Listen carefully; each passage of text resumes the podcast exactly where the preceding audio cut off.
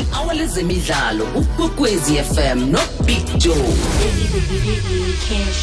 isimbi yesihlanu itsho ukuthoma kwe-iri lezemidlalo ukwekwezi fm nobig joe kukhanya ba nangambala kukhanya ba mhajo igwegwez FM ngiyakwamukela mlaleli ngiyakulochisa eh ngale ndlela engingene ngayo ke bengithokozisa inkutani eh zeligi ekhaya isichema seMamelodi Sundowns eh idlale iSundowns indaba zakhulunywa zakhulunywa ngemva komdlalo ngizokuzwisa ke ezinye zenkulumo ezikhona eziveleleko eh kanti ke okhunye nje okukhona ke eh, namhlanje iMarumo Gallants iyadlala idlala umdlalo ocakatheke hle eh, ihlelo sizoliqeda imizuzwana elithumi ngaphambi kwe-hour lesithandathu ukuthi sikwazi ukunikela ukuthabe bano Bavaria indambo eh, bakwazi ukuthulela ukusuka nokuhlala kumdlalo loyo kanezinyeke izolo bekubekwa uAlex Shakwani eh kwathi khona lapho emgcwabeni yakhe kwabotshwa uLouis Chakwani ngezinye indaba ezivele izolo ubekiwe ke Alex Chakwani kodwa ke okurara abantu abaningi kubona usprinter abotshwa eh, namhlanje bekavele ekhotho usprinter uAlex Chakwani eh, owaye mkhulumeli wesicema seKaizer Chiefs eminyakeni edlulileko yabo le eh, ngiza kuxoxela ke nayo le ukuthi ikhame kanjani kanti izolo sabona neInter Milan idlulela phambili eh, kuma finals weUEFA Champions League asazi ke ukuthi yokudlala nobani ngoba namhlanje ebusuku umphako udliwa umntwana iManchester City icalene lapha ke nesichema eseReal eh, Madrid ngicabanga ukuthi kuzabe kumdlalo omkhulu nobudisi hle nesizabe siuthabela ke sibabantu nawe neutral imidlalo enje iba mnandi sekuba buhlungu na umuntu ufavor isichema ukhululane mkwena uthokoze khulu uthokoze wonke umuntu ngokuthumba kwabo ileague eh, ubuya veza uthi league marathon eh, ngilo iphaliswano elikhulu khulu elidlalelwako eh, batshola amancane lawo ngase ubanjelwe lapha nalapha uzithole ulithumbile ngemva kwemidlalo emine kodwa naleli ngilo elikhulukhulu akutsho mina nokho kutsho urulani mkwena yeah it's a difficult was a difficult day for us today so many things uh uncle alex And this is for him one we will remember for many, many, many years. Congratulations to this magnificent football club. Uh, congratulations to the management of the club. Congratulations to the supporters. Congratulations to the players because uh, it, it might not feel like it sometimes, but this is the most important trophy in the country. The most important. It's the championship. It's the tournament that goes for 10 months. It goes home and away against every opponent, and they've got to be at your best consistently to win it. You can fluke one or two wins, three, maybe four, and then a cup is delivered. But you need to be extremely consistent to win the championship. Steady games, 15 opponents. home, away. And this magnificent football club keeps doing it over and over again. Six times. Congratulations. Very proud of uh, everybody associated with the club. Congratulations to the players. Very proud of this magnificent group. nguye ke uRulani Mukwena eh, ngemva kokuthi ke eh, isichema seMamelodi Sundowns sithumbe unongorwana eh, weligi kade bamthumba kodwa nizolo ngokusemthethweni bathola imendlela zabo bathola nebigiri ekuthiwa iyokuhlalela safuthi vele eh, kuyokwenziwa etsha eh, iDStv iveze lokho ke basekeli beligi ekhaya bathi bokwenza ibigiri etsha ngoba seyithumbe ihlandla lesithathu ngokulandelana solo bafika ngo2020 basekela iligi ephezulu bathatha indambo kwebaka APSA so izolo ithunjwa yiSundowns yazi ngiyitshetshela uCastin Sereno uyazi kodwa ukuthi solo afika la eSouth Africa uthumba iligi qobe mnyaka uGustin Sereno angazi ke ukuthi eh uza kukhamba mhlawumnye mhlanalisako solo ayithatha njalo namtjana kuzakuba nonyaka omunye ozamrara naye ngalowo nyaka athole bangakathumbi kodwa ujwayele ukuthumba iligi uGustin Sereno umdlali wesichema seSundowns kanti ulani mkwena ukhunya ukukhulumileko batsho yena ukuthi niyamhlaba ama critics nani nani eh batsho izinto ezingamthwenyi kolezo batsho yena aqala msukuthi umbandulo omuhle usebenza ngokuthi improve abadlali uyababala bo lodge uyababala na nabanye abadlali athi batsho uba improvile so lwafikile abo Bradley Ralana bo Almeza ubala nje eh, abadlali abakhe baba lapha kusannounce akagcini lapho ke uchingana ngaphanga ku Pirate uthi napa nabanye abadlali aba improve ngimi la yeah, today is success champagne beautiful tell me of a player at this football club who has not improved mention one who is not improved. And that is, uh, results aside, biggest sign of coaching. Improve the players. Improve Tembazwane, improve Sipombule, improve Nebo Mayema, improve Kuliso Modao, improve Rondon Williams, improve Mtobi Mvala, improve Sifiso Ngobeni, improve Terence uh, today Williams, improve Mtobi Mvala, improve Sifiso Ngobeni, improve Terence Mashego, improves improve Grant Kekana, Tebogo uh, eh, Mokwena, uh, eh, surprise Ralani, even at you see Rala, improve Gaston, improve Cassius, uh, eh, no Mayam. Uh, ah, no no, uh, uh, you I can continue. So that for me is is is is is is enough. Is enough that I have contributed to to the lives and the careers of those football players. So the praise or the criticism will, will not move me because I, I see this thing. And by the way, can I also tell you that even where I was, improve Justin Shonga, improve Nyasha Munetsi, improve Tembiko Silodge, improve Vincent Pule, improve Fortune Makaringe, improve Kabelo Zamini, improve Tabiso Munyane, No, I can go on. Even before, even before. So, so some days they they say, ah, you see, you see. So I keep quiet and I let I let the, the people make the noise. ngurolani mkwena asitshela ke ukuthi abadlali aba improveleko eh ngibaphhi bangangani eh njalo njalo uyamzwa ke msubuyela nemva esichimeni seOrlando Pirates uyositshela ke ukuthi banjani kodwa ke nakabuyela ekukhulumeni ngomdlalo eh abawudlale izolo uthena kuphela umdlalo wagidinga njengomuntu oceda ukuthumba umdlalo uyahlathulula ukuthi kuba yini eh agidinge ngendlela agidinge ngakhona nakuphela umdlalo lo Uh, it's been a roller coaster day. Um, um, putting uh, Uncle Alex uh, and accompanying him to his last place of rest was very difficult for, for this football club.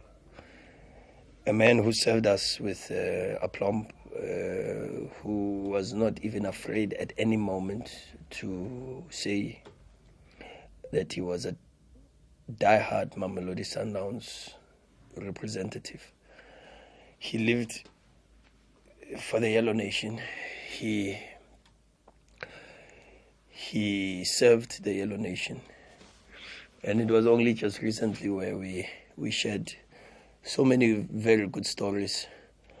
Uh, one of the most important things, uh, maybe, that personally I did for me was to speak to him and uh, Uncle Trot about what Shushan and piano really, really means. And they gave me an, a whole lecture, maybe for an hour. And I got to understand what, uh, what the, the style of play that is synonymous with um, this football club is really, really about. and uh, I'm eternally grateful to him for all the lessons. Uh,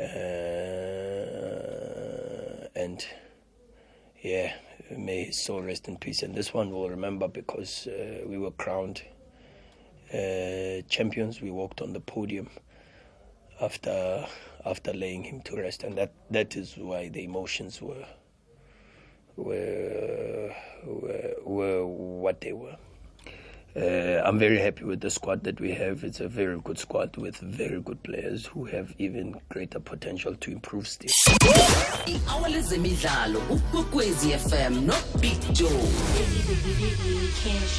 isimbi yesihlanu itsho ukuthoma kwe-iri lezemidlalo ukwekwezi fm nobig joe kukhanya ba ya ngu uh, ngu ngu ngu, ngu Rulani Mkwena eh ukwakhuluma wafahla fahla eh nangu Athazwane emzweke eh, ukuthi uthini ngombanulo wesikhoma sakeza Chiefs uAthazwane kodwa ningakutshela khona bakaceda ukukhuluma ikulumo yekapheli kungakakhulumi uSteve Komphela ngizobafaka balandelana eh uRulani Mkwena nakakhuluma ngoAthazwane bese sifaka lapha ke naye uSteve Komphela sizokuthi yena ke uthini ngokuthumba ukuthunjwa iSundowns okhu uh, Coach Arthur.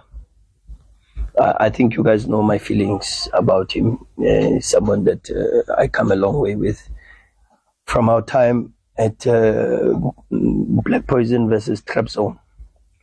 Um, no, no, Galatasaray Trap Zone was from the East End, so it was Galatasaray. Sorry, thanks, uh, Davi. And um, yeah, it's difficult to speak and I think I'm the last person to to to give advice because um, it's, it's, it's, it's, I've got many more years in this football thing also to experience many many more so that I can I can be qualified to give uh, advice. It's very difficult. Um, so, but but I think he knows, and I think you guys know. I have not made it a secret how much admiration and respect I have for for for Coach Arthur. emnyakeni wamashumi amane wekwekwezi fm sisakulethela zemidlalo sisakhisa ngehlelo lezemidlalo fulela kwanethwa Appreciate that. Yeah, it's a nice one. We just need to lower our voices. There are moments in life where you achieve certain things. Upon achieving, you still have to remain calm and rational than emotional. But there's a moment where you feel I'm just about to lose it. And as you're just about to lose it, you need people and pillars to hold you tight to say, hey, be anchored, otherwise you're going to go astray. Great one for my Melody Sundowns, third in a row, six in a row, 13 in total. It's a great achievement. But it wasn't only us, it is out of these beautiful souls. These are kids from some of our staff members, from the supporters, players, a lot of sacrifice. And congratulations to you guys for a great job on production. The comments you make there, they make us better than better. And also the challenges we face make us stronger than weaker. And we are saying in moments like this, we dedicate these to people like Abu Alex Shakwan, who laid a very strong foundation. Had it not been of them, we wouldn't be standing on this ground. So the ground that we're standing on is owed to them. And we say, as they blessed the past, we are blessing the present. The future must also be blessed by these ones. In moments of pleasure and treasure, we have to remain calm, neither too high. And moments of tragedy, we must also not be too low. And these are moments where we say, let's reflect, enjoy, but be measured. We have a big one again over the weekend. ya ngu Steve Komphela eh uyalaleleka akuvuma ukuthi ungamlaleli eh nakathoma akhuluma uSteve Kompela ya iSundowns ngokufishazana kusaza kukhamba nesizini isaza kuphela izathi nayiphelele komhlawumnye okuningi sisaza kukhuluma eh nabo beSundowns ngayo iSundowns njalo njalo kodwa ke ngemva kokuthumba umdlalo lo iMaritzburg United ngakena ehlangothi izithole iphuzu elicakatheke khulu eh okubathethe kwababeka ku position number 14 elogweni badlula iMarumo Gallants ke number 15 ngephuzu elilodwa badlula neChipa United ekunumber 16 ngephuzu elilodwa uyazi ke ukuthi eh, okunumber 16 ukhamba thwi uyalenza unumber 15 uzokudlala ama playoffs asazi ke ukuthi eh kuyokwenzekani ngoba lezi ngichema ziyadlala lapha ke ngomgcibelo eh, eh kodwa na ke ngaku Maritzburg United ukhona ukuzwa nje enkulumeni ukuthi abantu abakahlaliseki abantu bathukiwe nangumbanduli eh uFatlu Davids ngendlela yebeka ngakhona ngazi ma mind games noma ngithini kodwa na uthatha ipressure yonke uyibeka phezulu kweswalosi uyibeka phezulu kweGolden Arrows ukuthi mde badlale babethele ezingichema Marumo Gallants namtjana iChipa Oh, Golden Arrows players are under scrutiny, and of course, uh, Marumo Gallants playing Swallows. Uh, their players have to play on their toes. They really have to be professional because the whole world is going to watch. Is are they going to give them the game? Uh, you don't want to say that. But what the coach was insinuating, uh, Kwanele Kopo, uh, we have uh, everybody, the, the entire country are going to watch with hawk eyes to be able to see uh, can they win the game uh, in a proper way. Uh, Swallows, are they going to push for the top eight, or is someone suddenly going to slip at the edge of the box and, and they score? Uh, the, the entire country is going to watch these games. The relegation fight, normally we should be there. But now uh, everybody, the Hawkeyes, I hope, I hope it's a live uh, stream on both games. Not like Cape Town City, they show only the one game. I hope they have both games and, and we have the Hawkeyes on top of it. The pressure, although it's one point, uh, commend the players. We got our 30-point mark. It's, maybe it's not enough, uh, uh, and maybe we're still relegated. But the players, the growth mindset, step by step, we're coaching them. We We're trying to turn them into men, not only good football players, but uh, turn them into men to be able to handle these emotional uh, season that they that they have. And if we have to go to the playoff, uh, we put our chest out and we really attack it uh, full force. I'm really, really proud proud of the players, uh, proud of the club, the supporters that came out here to uh, to come and see us.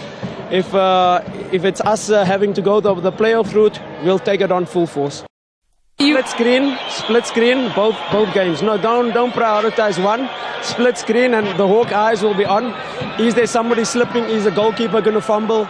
Uh, the pressure is on the Arrows players. I'm sorry to say it. The pressure is on the Arrows players. The pressure is on the Swallows players. Uh, let's hope they give a performance and make a fair fight. Uh, like Sundowns did here, really tough game, uh, but we were really uh, fantastic tonight, and uh, we can definitely bold on this if it if it is the the space that we have to go to the playoffs.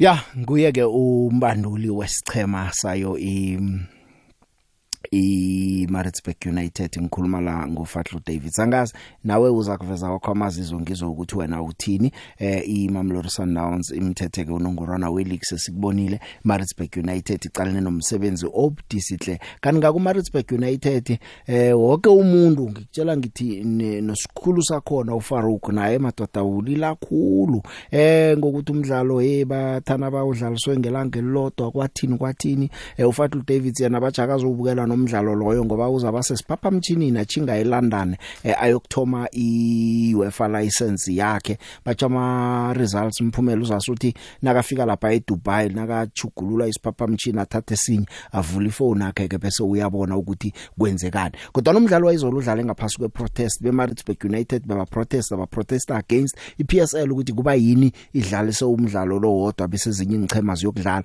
bayalila bathi ya iOrlando Pirates nayidlala ikhefu eh, eh ileague ya extendwa ngeveke yodwa namhlanje ngithi abakwenzi lokho konke lokho khona la ehlelweni fulela wanethu ahlala nami wena ngisalapha emini lendaba nangibuya ngizokuzwa imbono wakho ukuthi thini ngikubuyisele kuye uFaruk Godadia uzwe ngaye nje ukuthi ulila kangangani ulila uthini Emnyakeni wamachumi amane wekwekwezi FM sisakulethela zemidlalo zisatshisa ngehlelo lezemidlalo fulela wanethwa Sanibona sanibona picture lapha e-studio uthulana kaShabanga umlandeli weSundowns. Hhayi ngiyabonga kakhulu nje ukuthi ezami eh zingompetha be-DStv.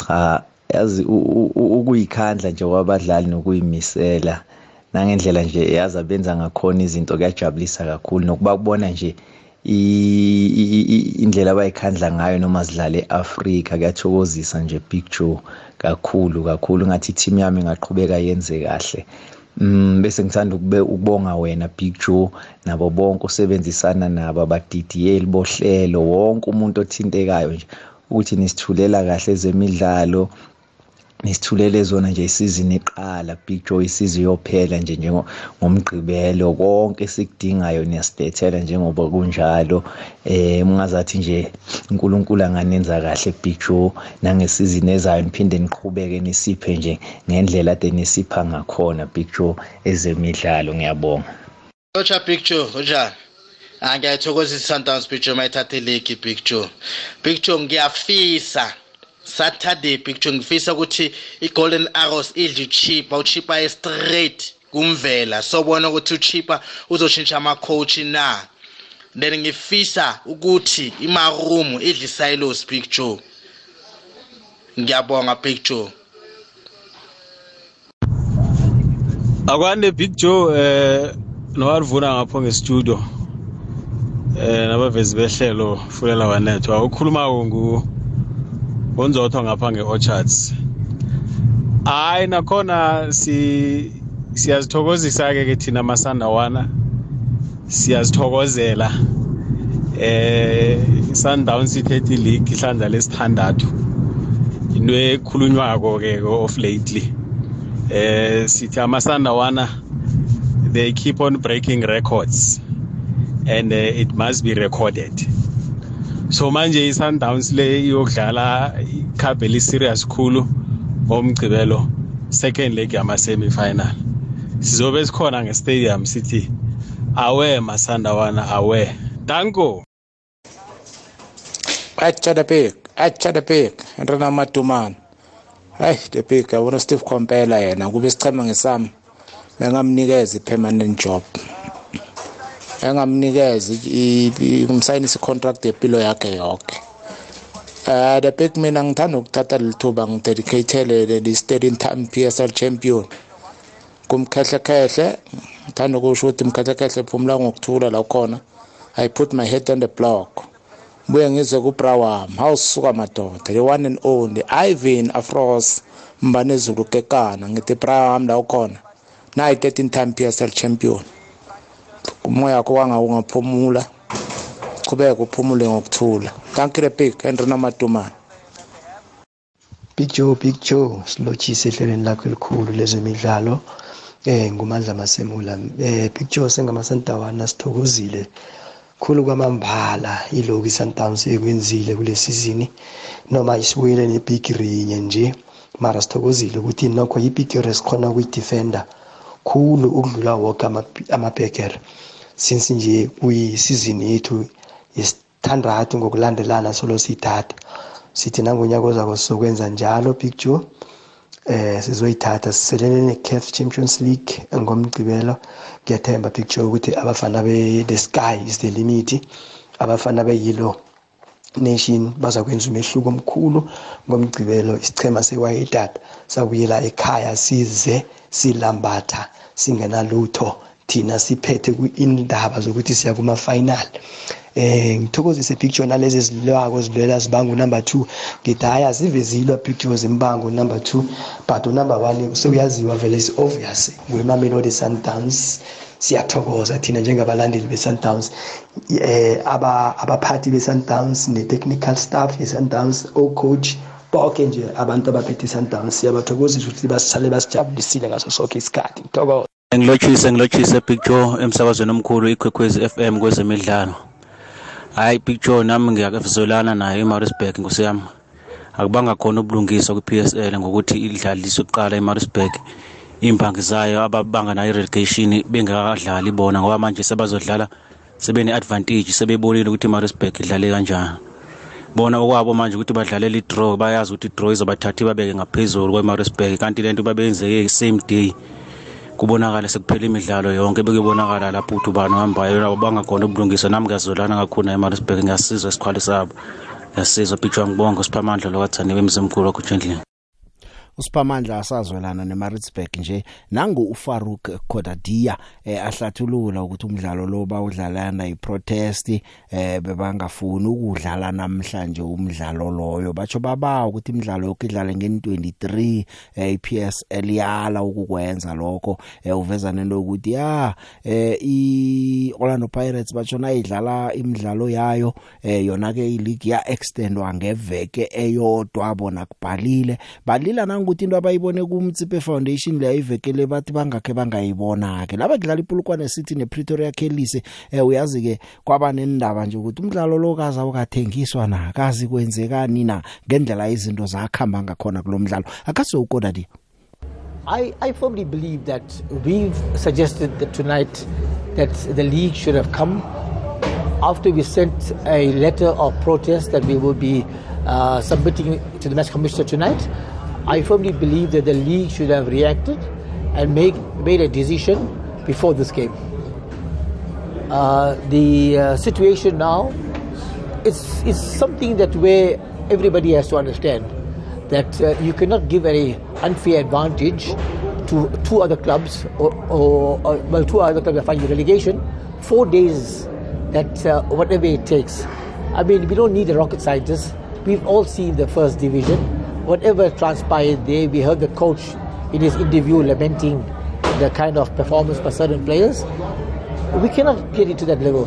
The PSL has, is a big brand, and we don't need to go and uh, discount the value of the brand. I firmly believe that uh, the priority has to be given to both the uh, DSTV and all its uh, the uh, uh, stakeholders involved, largely uh, the broadcaster has a very big role to play here.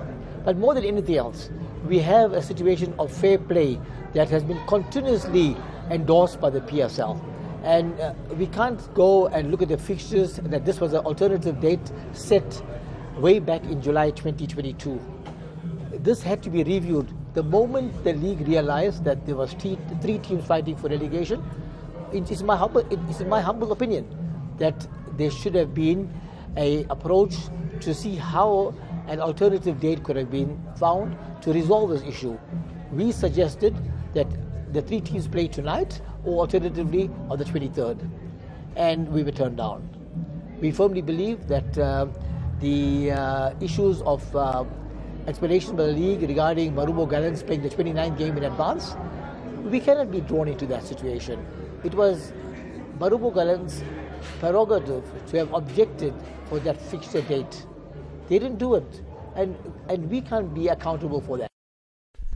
ya izolo ke eh, nabe kubekwa uAlex Shakwane iYPRO isichema seKaizer Chiefs ngaphambilini eh uLouis Sprinter Shakwane eh uthe net nakaceda ukukhuluma nakaceda ukuhlala phansi eh amahawks abesekafikile amdopa eh una 74 years eh, ubojiweke nendodana yakhe bacho ke uLouis Chakwane Junior eh bacho beka operator lapha ke yabona ischeme nje yabo angazi kwenzekani bekufakwa fakwa imali lapho eh bayibiza ngeundercover billionaires bacha abantu bayalila badliwa imali enengikhulu eh manje kujakane uthena kakhuluma konje azikhuluma indaba ezimnandi ngoshakwane bekabekwa yena ke bamgola njalo ke eh kuthiwa ke eh umnyobotshweko lo ke ubotshwe Kempton Park izolo eh money laundering into zokuphula imithetho ye financial advisory eh intwanyana eziningi nje eziphathelene nokusebenza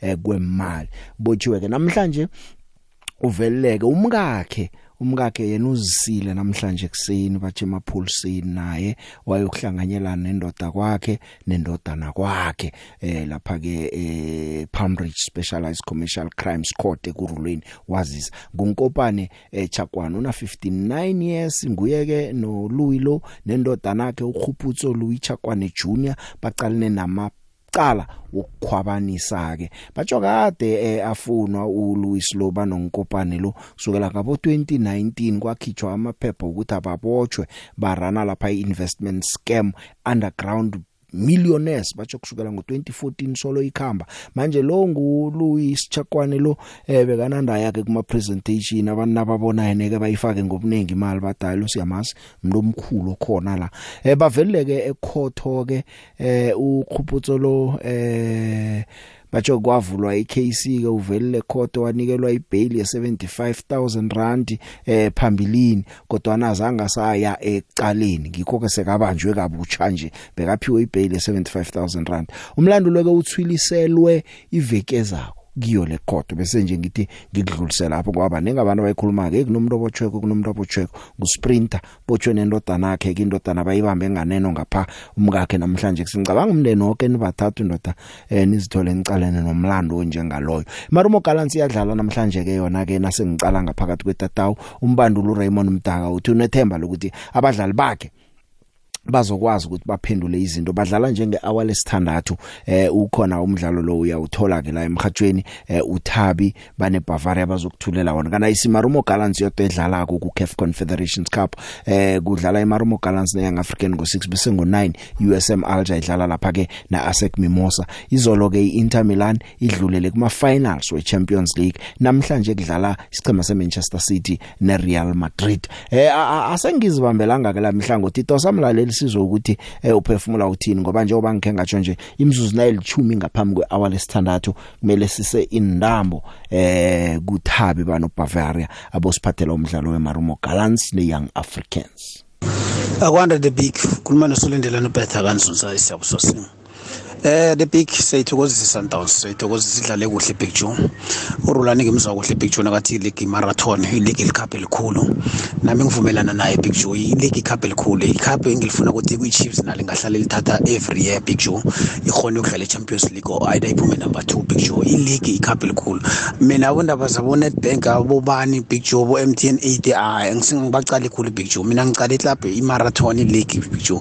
iChiefs naye fanele inyanga ozakuyenze njalo Big June. Sebethu because zakhulu isanders baberegile big joe akwande big joe akwande ukhuluma nobhishobhu hadebe ngapha ewitbank efosimane mina umbono wami ukudlala kwemarisburg ne-sundowns izolo kuyisebenzela i-Maritzburg ngoba lezi ezinye sezisele sezine-pressure manje ukuthi ziyathanda zithanda kumele ziwine nangekhe kube lula futhi kizo ngoba kwi-Maritzburg kube bathi-ke njengoba idlala i-draw bathi nge-weekend ayiphinde futhi yodlala ne-sundowns beyizophinde ifake i-complain futhi kodwa mina ngixa kuyisebenzele lokho sikhala kanye nabo kodwa bona mababekezele kukhona umkhumbuzo ocwile danko big joe big joe ngumahlangu madlelile umkhalangane big joe ngithanda ukuthokozisa isichema sesundowns ngendlela esibereka ngayo big joe sibuthelele kusesenesikhathi and big joe nje hayi angifuni ukukhuluma ngamathimu lawa lenzasi lawa abenza abantu njengabantu abangathi bathi yimfesane ezincane emanzini ifesi ekhulu ikhambile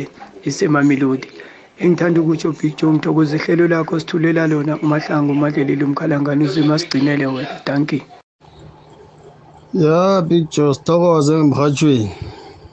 Eh picture isandals ibonile yayithumbile. Mara ke picture iChiefs nePirate zisesekude khulu nokuthi zibambe i-sundowns ngendlela ezidlala ngayo nangendlela ezihlela ngayo izinto awa zisesekude khulu i-sundowns isesenetshansi ingikhombisile nayizolo ukuthi neligi esiyakiyo le isengayichallenja beyiyithathe hawa i-chiefs ne-pirate big show kuyabhala unless ikuvele esinye isichema esingasaziwo esingazidistebha silonke basahlela izinto ngendlela ebazihlela ngayo nje ha basesekade basesekude khulu nokulunga big show sayokubona isandawo siyithatha nayizapha akwande usemoyeni yetsha usemoyeni akwande akwana lephephi yebo the big okulotshisako ngumasilela ngingekangala um eh, the big man hlangana kwe-real madrid ne-man city sasibone the big ucaven the brain ngala ngaku-man city akora sabona ujunior ngapha ngaku-real madrid so namhlanje sobona uhalati ngaku-man city akora ngale ngaku-real madrid sibone uKarim Benzema akora mara i-Man City ibig izokudlulela phambili ngifisela nesichema semarumo galanti sidlulele phambili lebig ahake siyathokoza masilela akwande big joe okhuluma kolo ngugaca lana evaterfala eh big joe ngilotshise eno eh, arvuna ngapho eh big joe nasikhuluma ngeklabha yokufavor klabhe ngeke yakudisappointa nanoma idisappointile mhlambe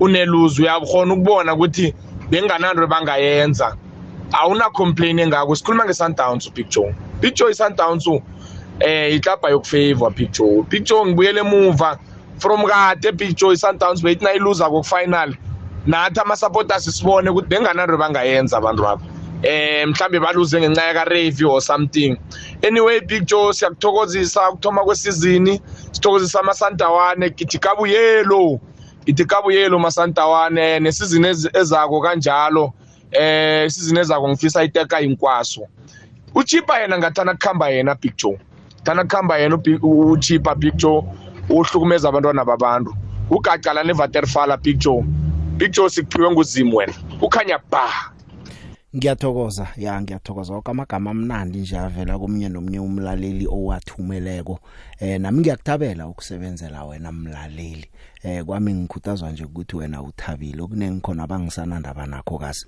eh yazi indaba yeMaritzburg le isibhlungwana ngoba eh ifixture yathunyelwa unyaka ophelele ngoJuly akekho umuntu ebekazi ukuthi iMaritzburg United ngalesi sikhathi izabe ku relegation zone kwavunyelwana ngayo yonke kanti ke iswalos kwakumele idlale neMarumo Gallants eh yona ke namhlanje kodwa ngoMarumo Gallants namhlanje idlala iCAF yachidiswa ke umdlalo lo weMarumo nesicema seSwallows manje ke be be be Maritzburg abake ngoba sebabona nje ukuthi izinto zimbi eh, sebathoma ukuthi hey sifakiwe ngathi kuthiwe nakubona ukuthi basezimbini kwathi wakhampani yokudlala ifixture ekade ikhona yathunyelwa unyaka opheleko vele beyibapane noma ngabe baku number 1 bekubakosa ukuthi badlale izolo kodwa na ke uyazi ke umuntu usunjalo ke yena sengilokho ke khona kuningi mlaleli besingakhuluma eh kodwa imizuzu elithumi lesele kona mayisise ngiyamujana warindala ukuphathele indaba na ceda uJanuary sokuchinga kuThapimapeni